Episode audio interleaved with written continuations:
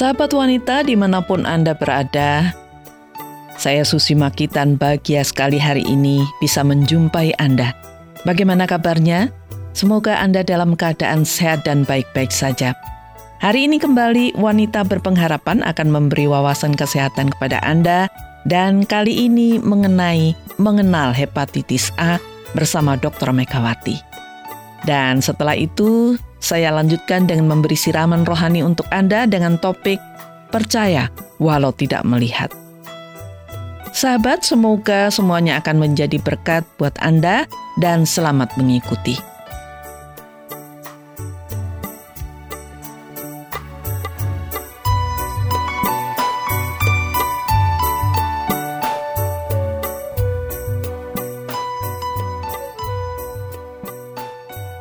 Sahabat, beberapa waktu yang lalu di satu daerah terjadi wabah hepatitis A. Ada puluhan anak-anak dan orang dewasa yang terserang hepatitis A. Jadi banyak anak tidak bisa masuk sekolah dan juga banyak orang dewasa yang tidak bisa bekerja karena mereka harus dirawat di rumah sakit. Nah, apa sebenarnya hepatitis A dan bagaimana bisa mewabah?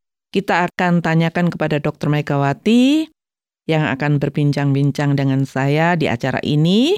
Dan saat ini Dr. Megawati sudah bersama saya. Apa kabar dok hari ini? Kabar baik Bu Susi. Terima kasih untuk kehadirannya. Dan sekarang lagi hangat-hangatnya orang membicarakan tentang wabah hepatitis A ya dok ya. Sebenarnya apa hepatitis A itu dok? Ya namanya saja hepatitis itu -hmm. berarti ada radang, peradangan oh. organ hati, hepar, -hmm. hepar itu hati, hati ya? -hmm. yang disebabkan oleh infeksi virus hepatitis mm -mm. A.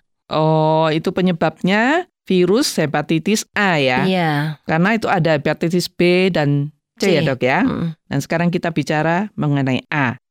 Nah ini mengapa bisa mewabah dok? Ya karena khusus untuk hepatitis A ini dia dapat menular dengan mudah melalui makanan dan minuman yang terkontaminasi oleh virus. Virus ini ya. Jadi oh. misalnya ada penderita hepatitis A mm -hmm. ini buang air besar ya, mm -hmm. di tinjanya itu ada virus. Nah, virus mm -hmm. ini mungkin Tinggal apa namanya? gitu. Virusnya tersebar oh. kena udara penularan oh, begitu. seperti itu. Nah, mm -hmm. kenapa mudah? Karena makanan dan minuman ini terutama kan mereka-mereka yang berjualan, mm -hmm. yang suka beli-beli makanan di pinggir-pinggir jalan, anak-anak hmm. sekolah gitu yang mungkin Airnya penjualnya bisa terkontaminasi bisa, ya atau penjualnya, penjualnya. bisa sakit oh. hepatitis tapi nggak ketahuan kan hmm, juga bisa. Oh begitu. Hmm, atau juga virusnya ini nular ke mana-mana. Jadi ada hmm, di di seluruh di sekitar itu uh, ya. di seluruh makanan dan minuman, minuman yang ya, terkontaminasi ya berarti iya. minuman dan makanan itu ya dok ya. Kan ada puluhan anak-anak yang kalau mau wabah itu ada puluhan, mm ada ini. Tapi ada yang enggak. Nah, sebenarnya siapa yang paling berisiko terkena hepatitis A ini? Tentu saja kalau dikatakan yang paling berisiko adalah orang-orang yang mengunjungi atau tinggal di daerah yang terdapat banyak kasus hepatitis A. Hmm, melakukan gitu ya? Melakukan hubungan intim dengan penderita hepatitis A. Oh, Jadi itu bisa, bisa juga. ditularkan melalui mm -hmm. hubungan intim mm -hmm. itu antar suami istri mm -hmm. atau tinggal serumah dengan penderita hepatitis A. Mm, itu mudah ya? Iya, mm. ya. Jadi kalau di dalam satu komunitas itu ada yang kena hepatitis A itu lebih berisiko. Lebih berisiko. Kalau misalnya, ya, iya, mm. misalnya anak-anak itu tinggal berdekatan mm atau di dalam sekolahan bersama. Bersama. Nah itu. Mm. Kalau yang berjauhan ya berarti tidak berisiko. Mm gitu ya. Jadi berdekatan dengan orang yang sedang terpapar hepatitis A ya. Iya. Gitu ya dok ya. Ini, ini gejala yang timbul apa saja dok? Nah, masalahnya gejalanya itu tidak langsung timbul ya Bu Susi. Jadi oh. timbulnya itu beberapa minggu setelah, setelah tertular. Oh. Jadi ada masa inkubasi mm -hmm. namanya. Nah, pada beberapa orang memang ada gejala yang menyolok. Mm-mm. Nantinya kita akan bicarakan di antaranya kuning. Mm-mm. Kuning, warna mata dan kulit. Mm-mm. Tapi beberapa orang itu ada yang nggak kelihatan. Gak kelihatan. Iya, oh. Iya, tetapi sebenarnya dia pembawa virusnya. Itu yang bahaya. Jadi ada perubahan warna mata dan kulit kuning. Mm-mm. Setelah itu ada demam, lemas, mual muntah, warna kencingnya gelap, warna mm. tinjanya pucat. Oh, justru kencingnya yang gelap tapi tinjanya pucat gitu iya, ya? Iya. Oh, begitu ya dok ya. Jadi sebenarnya. Nah itu untuk memastikan bahwa ini betul-betul anak ini kena hepatitis A itu bagaimana? Dengan cara diperiksa darahnya. Darah ya. Kalau oh. untuk kepastiannya diperiksa darah untuk melihat anti hepatitis A. Oh. Ada gitu. gitu Tetapi ya. kalau misalnya kan ini mahal ya pemeriksaannya Bu Susi. Hmm. Misalnya enggak pun ya kita biasanya tahu kalau hepatitis A ini nanti bisa pulih sendiri, sembuh sendiri, hmm. lebih gampang sembuh sendiri. Hepatitis A ini daripada hepatitis hmm. yang lain dan biasanya oh, mewabah gitu. kalau hepatitis A. Oh, begitu ya, hmm. Dok ya. Nah, terus caranya mengatasinya kalau orang itu sudah pasti kena hepatitis A ya, gejala hmm. sudah timbul, lalu dia periksa darah, lalu apa yang dilakukan oleh dokter untuk mengatasi hepatitis A ini? Tadi saya sudah katakan sebenarnya bisa sembuh dengan sendirinya -hmm. karena sistem kekebalan tubuh penderita oh. bisa membasmi virus tersebut. Mm. Jadi virus itu sebenarnya kalau dalam posisi kekebalan tubuhnya baik, baik uh, itu waktunya dia mati ya mati, mati terus gitu orangnya ya? kebal hmm. dan sembuh. Nah, hmm. sampai hari ini sebenarnya tidak ada pengobatan yang untuk menghilangkan virus itu tidak ada tidak Ada. Dia Peng akan hilang sendiri gitu iya, ya. mati hmm. sendiri. Tapi pengobatan itu diberikan hanya untuk meringankan gejala-gejala yang dialami hmm. sambil menunggu penyakit ini sembuh. Sembuh. Jadi gitu dalam ya. artian itu sebenarnya bisa hmm. sembuh sendiri, hmm. tapi kan demam. Hmm. Jadi diberi penurun, penurun panas. Demam. Mungkin anaknya mual muntah, hmm. diberi obat hmm. mual muntah. Kalau lemas ya berarti vitamin, makan makanan hmm. yang baik. Jadi oh, tidak begitu. ada obat yang spesifik, spesifik karena ya. dia akan sembuh Itu dengan sendiri. sendirinya. Nah, asal daya tahan tubuhnya dia cukup baik ya dok ya. Iya. Dia akan bisa virusnya mati sendiri gitu ya dok iya. ya. Lah untuk mencegahnya bagaimana? Mencegahnya adalah tentu saja menjaga kebersihan tubuh penderita, hmm. diri dan lingkungan ya. Terus vaksin hepatitis A Bu Susi. Mm -mm. Vaksin hepatitis A ini memang belum disediakan oleh pemerintah mm -hmm. Mm -hmm. karena mungkin dipikir hepatitis A memang tidak seberapa membahayakan. Mm -hmm. Nantinya itu mm -hmm. kalau sembuh sembuh total, nah, tidak oh. menyebabkan kanker, oh. liver atau sirosis. Mm. Jadi mesti bayar sendiri dan bayar sendiri, agak ya? mahal. Mm. Tapi memang bisa. Terus menghindari konsumsi makanan yang kotor, kotor ya. Mesti tidak kurang, jajan sembarangan. Kurang, kurang bersih. Iya, gitu makanya ya. sekarang kan juga ada penyuluhan-penyuluhan -hmm. supaya kantin sekolah itu bersih, bersih ya. atau sekolah tidak mengizinkan anak-anaknya untuk jajan di luar ya. lingkungan oh, sekolah. Oh, gitu ya. Jadi kebersihan juga penting ini ya, Dok iya. ya. Mm -mm. Terus kalau ada yang menderita hepatitis A, memang lebih baik dia tidak usah masuk atau dia dipisahkan, dipisahkan sampai gitu. dia sembuh, sembuh supaya tidak oh. menjadi menular penular. Lah, menular. Uh, dia menularkan ke orang lain. Uh, uh, uh. Dan penderita yang sembuh ini sebenarnya dia akan memiliki kekebalan Bu Susi oh. terhadap virus ini. Oh gitu ya uh, dok ya. Ini ada nggak komplikasinya dari hepatitis A ini misalnya udah terlalu parah gitu? Apakah ada komplikasinya untuk penderita itu dok? Ya, ada komplikasi, tetapi lebih sedikit ya komplikasinya lebih ringan dibandingkan mm -hmm. dengan hepatitis B, B ataupun atau hepatitis C. Hmm. Nah, karena hepatitis A ini tidak menyebabkan penyakit liver untuk jangka panjang, Bu Sisi. Oh, Jadi nggak ada. Bisa dia sembuh akut. sendiri ya. Dia sembuh sendiri. Sembuh sendiri akut. dan orang bisa kebal juga ya. Iya. Mm -mm. Cuma memang bisa ada potensi gagal hati. Jadi mm. ada kegagalan hati hmm. karena hepatitis A ini. Oh begitu ya, uh, ya. Tapi di antara semua jenis hepatitis, hepatitis A ini terus terang saja yang paling ringan, ringan. artinya bisa sembuh sempurna, hmm. jarang Dan yang komplikasinya kronis. ringan gitu komplikasinya ya. ringan, ya. Hmm, itu ya dok ya. Hmm.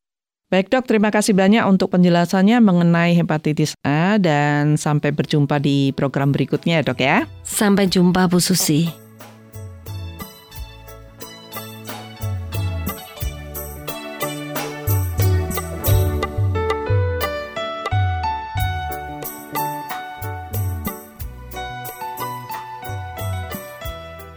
Sahabat, semoga perbincangan mengenai mengenal hepatitis A tadi bermanfaat bagi Anda dan keluarga. Dan tetaplah bersama wanita berpengharapan karena sesaat lagi ada siraman rohani untuk Anda. Namun sebelum itu, mari kita mendengarkan sebuah lagu pujian berikut ini yang saya sajikan untuk sahabat yang dikasih Tuhan. Selamat mendengarkan dan semoga Anda terhibur.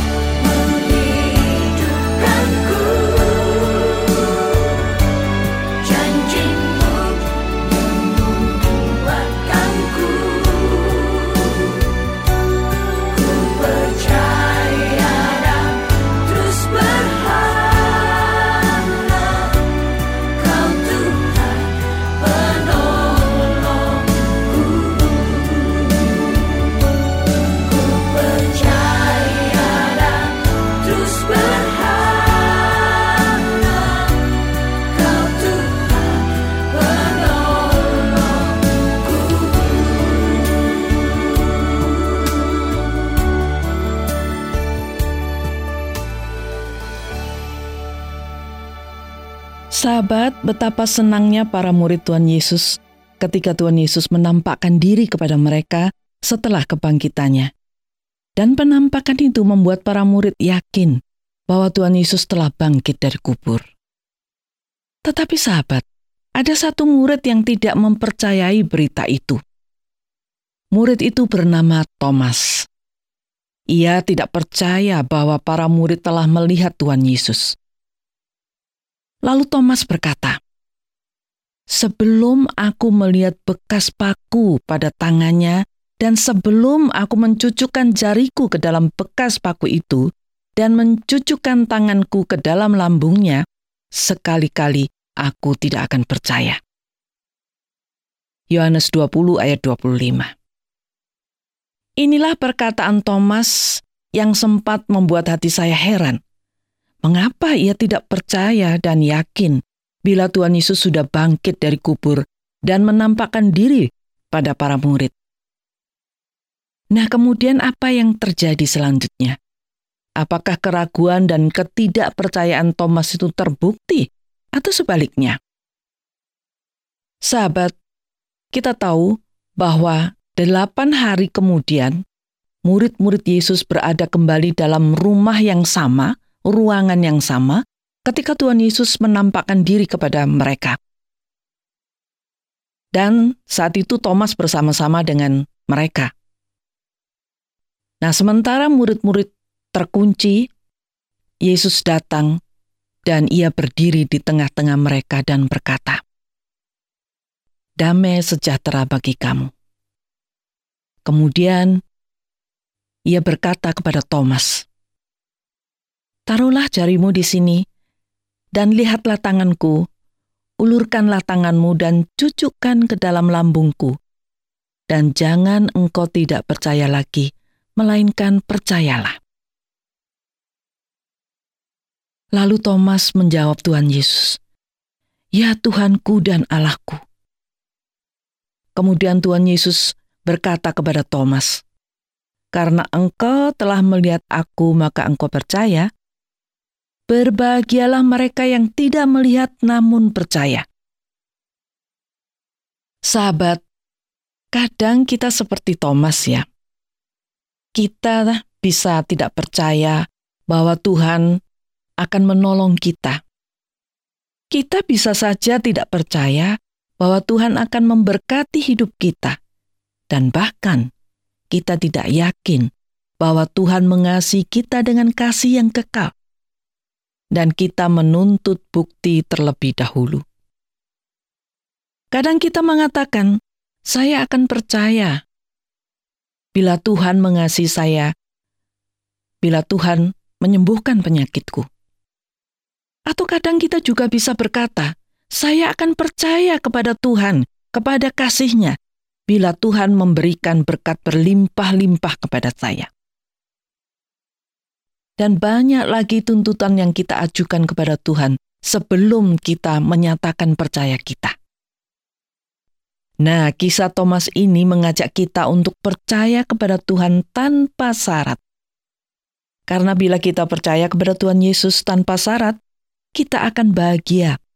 Seperti yang dikatakan oleh Tuhan Yesus tadi kepada Thomas. Karena engkau telah melihat aku, maka engkau percaya. Berbahagialah mereka yang tidak melihat namun percaya. Sahabat, banyak hal yang tidak pernah kita lihat dengan mata kepala kita sendiri, bukan? Dalam kitab Kejadian 1 ayat 3 mengatakan, Berfirmanlah Allah, jadilah terang. Lalu terang itu jadi. Kita kan tidak melihat dengan mata kepala kita sendiri bagaimana awalnya terang itu jadi, tetapi kita percaya bahwa Allah yang menciptakan terang itu.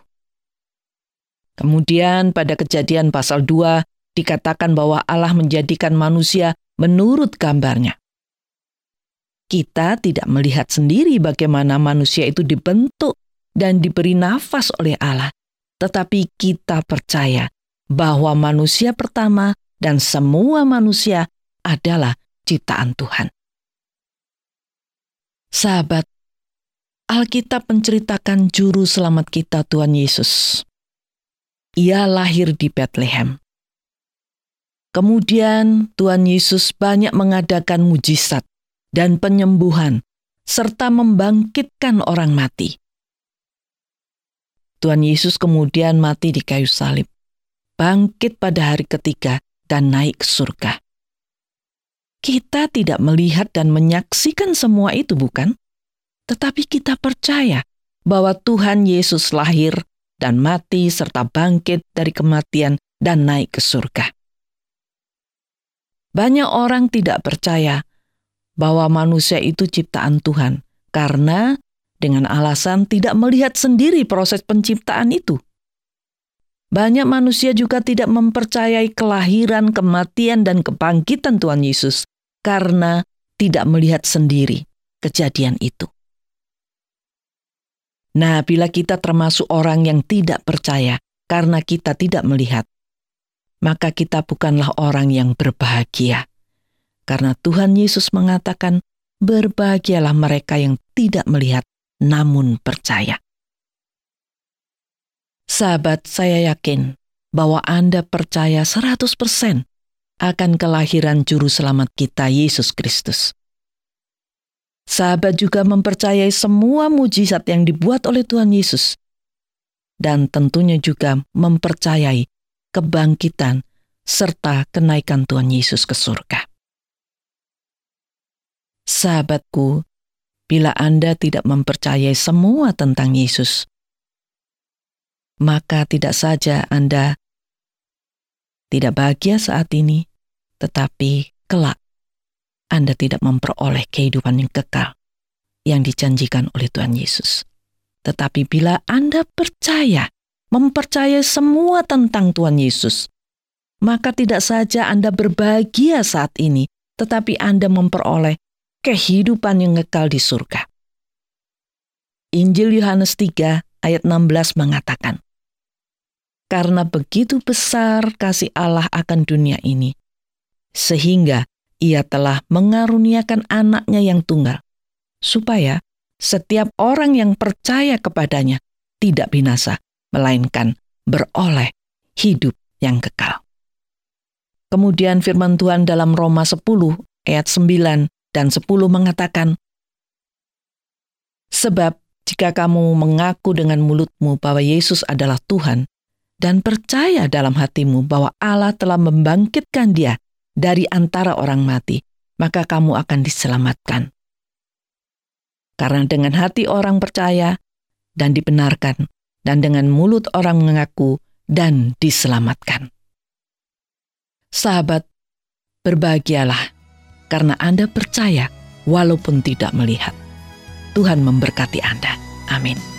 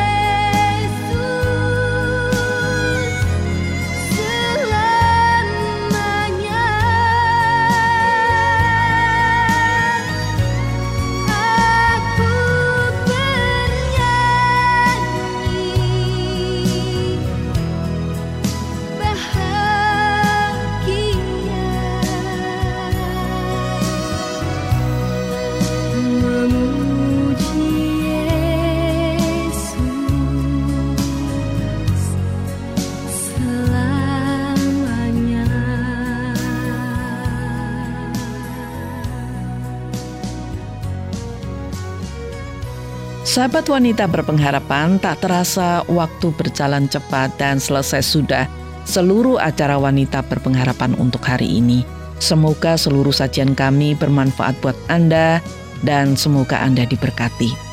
Bila Anda ingin menanggapi acara ini atau ingin membagikan pengalaman rohani Anda, langsung saja hubungi wanita berpengharapan melalui SMS atau WA ke nomor 081 333 777 386. Saya ulangi 081 333 777 386. Akhirnya saya Susi Makitan mohon pamit dan sampai jumpa.